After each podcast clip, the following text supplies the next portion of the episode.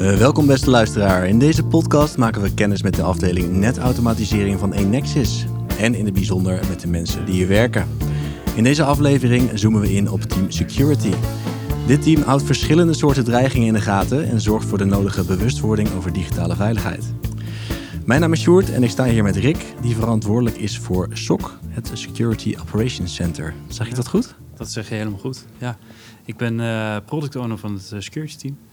En uh, het team, met het team zijn we verantwoordelijk voor het Security Operations Center, zoals je al zei. Voor het van een heel stuk awareness, dus voor het awareness programma van, van bedrijfsvoering. En wij zorgen er ook voor dat we de juiste kennis en, en kunde in huis hebben voor Inexus projecten. Ja, daar wil ik straks veel meer over weten. Ik ben nu vooral geïntrigeerd door die, die schermen op de achtergrond. Is dat onderdeel van het, van het SOC? Ja, dat klopt ja. ja. Dit is eigenlijk deze hele ruimte. Hier houden wij al uh, nou ja, ons landschap in de gaten.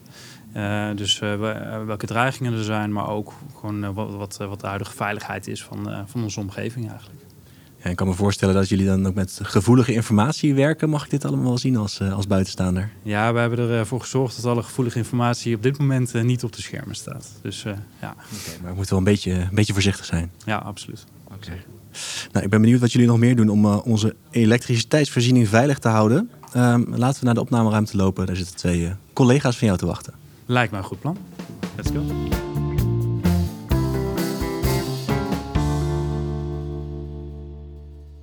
We zijn inmiddels aangeschoven bij uh, Jos en Bart. Leuk om jullie te spreken. Ja. ja. Um, Jos, om bij jou te beginnen, wat doe jij bij netautomatisering? Binnen netautomatisering ben ik werkzaam binnen kennisteam Security. In Zwolle? En, in Zwolle, ja. En wat ik daar doe is uh, onder andere, ja, we hebben heel veel uh, ja, projecten. En uh, ja, voor de energietransitie onder andere.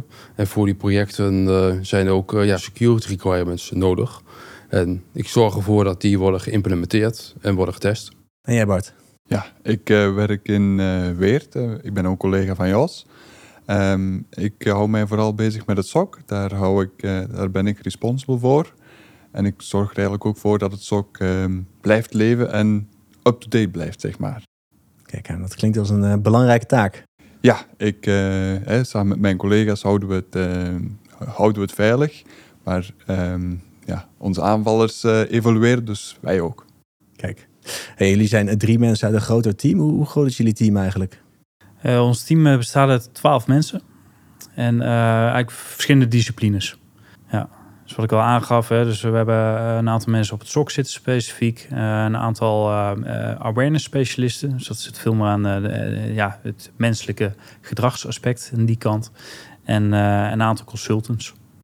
Kijk aan, awareness specialisten. Die, die term heb ik nog nooit gehoord. Ja, dus het is niet alleen een technische uitdaging waar jullie mee bezig zijn. Het is ook een, een menselijke uitdaging. Zeker, ja. ja. En dat is misschien zelfs wel een van de grotere uitdagingen. Ja, kijk aan. Hey, en waar zijn jullie eh, persoonlijk mee bezig? Jullie hebben net al een, eh, een tipje van de sluier eh, opgelicht. Kunnen jullie daar iets meer over vertellen? Of misschien een concrete project uitlichten waar jullie mee bezig zijn? Jos, om bij jou te beginnen. Oké, okay, uh, ja, we hebben de real-time interface. Uh, ja, dat is een interface uh, voor onder andere ja, windparken, zonneparken. Ja, die kunnen nu niet allemaal meer aangesloten worden op het elektriciteitsnet. En uh, wat we daarmee willen doen is, als ze te veel uh, terugleveren, dat dan uh, ja, tijdelijk de stroom terug kan worden gezet, terug worden geregeld. En voor zo'n soort koppeling heb je natuurlijk ook uh, ja, veel security requirements nodig. Want je wil niet dat een kwaadwillende ehm, dat zelf kan doen. Nee, nee, precies. Nu wil ik graag doorvragen, maar ik ga het niet doen, want dan kom ik bij de gevoelige lagen, kan ik me voorstellen. Uh, ja, mooi interessant voorbeeld. Uh, daar heb ik het ook over gehad met team eh, PSI, met uh, Nick. Die heeft ook wat over dat project verteld. Maar er zit dus ook nog een hele security kant aan vast. Um, om er even iets uit te zoomen. Wat, wat zijn de, de belangrijkste dreigingen waar netbeheerder mee te maken heeft? En waar jullie je dus ook mee bezighouden? Kunnen jullie daar iets over vertellen? Ja, natuurlijk. wij volgen het dreigingsbeeld dat eigenlijk heel Nederland, eigenlijk heel Europa volgt. Um, eigenlijk zijn er drie categorieën gemaakt. Um, voor, onze, voor onze collega's netbeheerders en ook voor onszelf. Wij hebben te maken met ja, de allerkleinste. Wij noemen dat script kiddies. Dus eigenlijk de 16-jarigen die in hun huistuin- en keukenapparatuur ja, ons proberen aanvallen. Hoe noem je die? Script kiddies. Oké, Ja. die term ken ik nog niet. Ja, nou, de- je het geleerd? dat, is, eh, ja, dat is de officiële term daarvoor, ja. Ehm, ja, en het gaat eigenlijk, eh, dat is dan categorie 1 en dat gaat tot categorie 3. Dat zijn eigenlijk statelijke aanvallen. Eh, dus staten die Nederland ja, in het ergste geval willen plat bombarderen. Ehm, wij beginnen daar, de aanval begint meestal op de vitale infrastructuur die Nexus beheert. En eigenlijk categorie 2 is eigenlijk wat er allemaal tussen valt. Ja, ja, precies. En dan, ja, er is nogal wat gaande in de, in de energiesector. We hebben natuurlijk te maken met een energietransitie. Het energienet verandert. Wat betekent dat voor jullie werk? Ehm, nou, dat wij daarin in eh, mee moeten. Dus dus het, het staat niet stil, eh, wat je al zegt. Er verandert zoveel. Eh, ook, het, ook het dreigingslandschap. En ehm, eigenlijk het, het aanvalsoppervlak wordt ook groter. Want eigenlijk wordt van netbeheerders verwacht om veel meer een hub in de maatschappij te worden. En een centraal punt, hè, wat, eh, ook wat eh, Jos al zei, van decentrale opwek, die eh, wordt eh, teruggeregeld of geregeld. En, ehm, maar dat betekent dat je hele andere strategieën eh, security-strategieën moet adopteren. eh, om daar nog op een goede manier in mee te kunnen. En dat, ehm, dat zijn hele andere strategieën dan de traditionele manier van denken in security. Dus dat zijn best wel leuke uitdagingen waar we echt ook ehm, ja, creatief moeten zijn. En op, soms op zoek naar ja, een nieuw soort concepten eigenlijk. Ja, want, want hoe ging dat vroeger? Eh, misschien is het leuk om dat met elkaar te vergelijken. Ja, nou, nou hoe het, hoe het vroeger was, is eh, met name, ehm, ehm, ehm, nou, je, je hebt je vitale infrastructuur. En digitaal gezien zet je daar een hele dikke muur omheen. En zodat je beschermd bent tegen de buitenwereld. Uh, maar nu uh, wil je juist de buitenwereld ja, bijna, bijna naar binnen halen. Goed, dat is natuurlijk niet helemaal zo. Maar je bent gewoon, uh, je hebt heel veel interactie met die buitenwereld. Dus dat concept werkt niet meer. Nee, met veel meer connected. Met veel meer connected. En ja. Uh, ja. daarom hebben we ook echt hele nieuwe security concepten geadopteerd eigenlijk.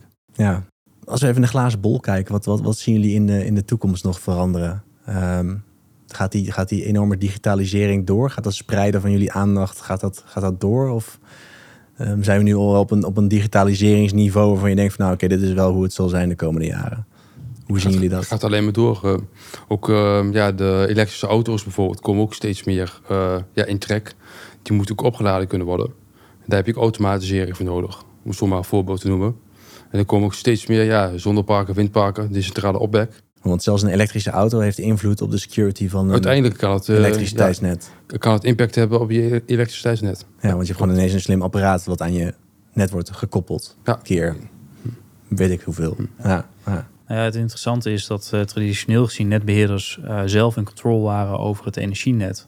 Over de productie van energie, over het transport en het afleveren. Maar omdat je nu veel meer decentrale opwek hebt en ook uh, heel veel afname, bijvoorbeeld met elektrische auto's, uh, heb je dat als netbeheerder veel minder in de hand. Dus wij spreken als een, uh, als, een grote fabrikant van elektrische auto's wordt aangevallen, gehackt. En ze, ze weten het systeem over te nemen dat al die auto's kan beheren en misschien wel afschakelen van het elektriciteitsnet in één keer. Dan heb je natuurlijk een gigantische impact op je energienet omdat je in één keer heel veel afname uh, verliest. En er zijn heel veel van dat soort nieuwe risico's die er tien jaar geleden nog niet waren, die er nu wel zijn. En ja, die trend die zet zich eigenlijk alleen maar voort. Ja, precies. En hoe is het om, om te werken met dat soort uitdagingen? Ja, heel gaaf natuurlijk. Ja, uitdagend. Ja? ja? Wat, wat, maakt dat leuk? Um, ik kan me voorstellen dat er ook een enorme verantwoordelijkheid op je, op je schouders rust. Dat het heel dynamisch is. Hè? Dat je nou ja, van tevoren niet weet hoe je, hoe je dag eruit gaat zien en welke, welke problemen je gaat oplossen. Wat, wat is daar zo aantrekkelijk aan uh, voor jullie? Nou, eigenlijk komen er heel veel werelden samen. Elektriciteit, ICT. En um, ja, dat is één ding dat wij heel, heel moeten zijn. En dat is flexibel. Um, dat is een van onze grootste ja, eigenschappen die we toch moeten bezitten. Um, we komen de dag aan en we weten soms niet wat ons uh, te wachten staat. En dat maakt het werk uh, heel gaaf. Uh. Hoe zie jij dat, Jos? Ja, ik sluit me daarbij aan, bij wat Bart zegt. En vooral ook dat het ook nog niet precies duidelijk is ja, wat de toekomst brengt. Ook qua opwek en alles. Dus we moeten flexibel zijn in de, in de technieken die eraan komen. Dus dat is wel interessant. Ja. Ja, interessant. En jullie doen het werk bij uh, Enexis, uh, bij, bij een netbeheerder. Nou goed, er zijn allerlei organisaties waar je met security aan de slag kan natuurlijk. Waarom, waarom zitten jullie hier? Nou, als, ik, uh, als ik mag beginnen, ik, vanuit mijn opleiding heb ik eigenlijk heel veel met elektriciteit en met ICT te maken gehad. En ja, de netbeheerder, dat is de, de combinatie voor allebei. En het werk stopt hier nooit, dus ik werk daarom nog steeds bij Nexus, ja. En voor mij geldt hetzelfde. Ja. Uh, ik ben een aantal jaar geleden uh, binnen Nexus begonnen binnen trainingsship. En uh, toen heb ik ja, ook Nexus kunnen ontdekken. En ja, dat was ook al heel mooi. Dan kon ik toen zien van, je kun je wel doorgroeien. Mooi.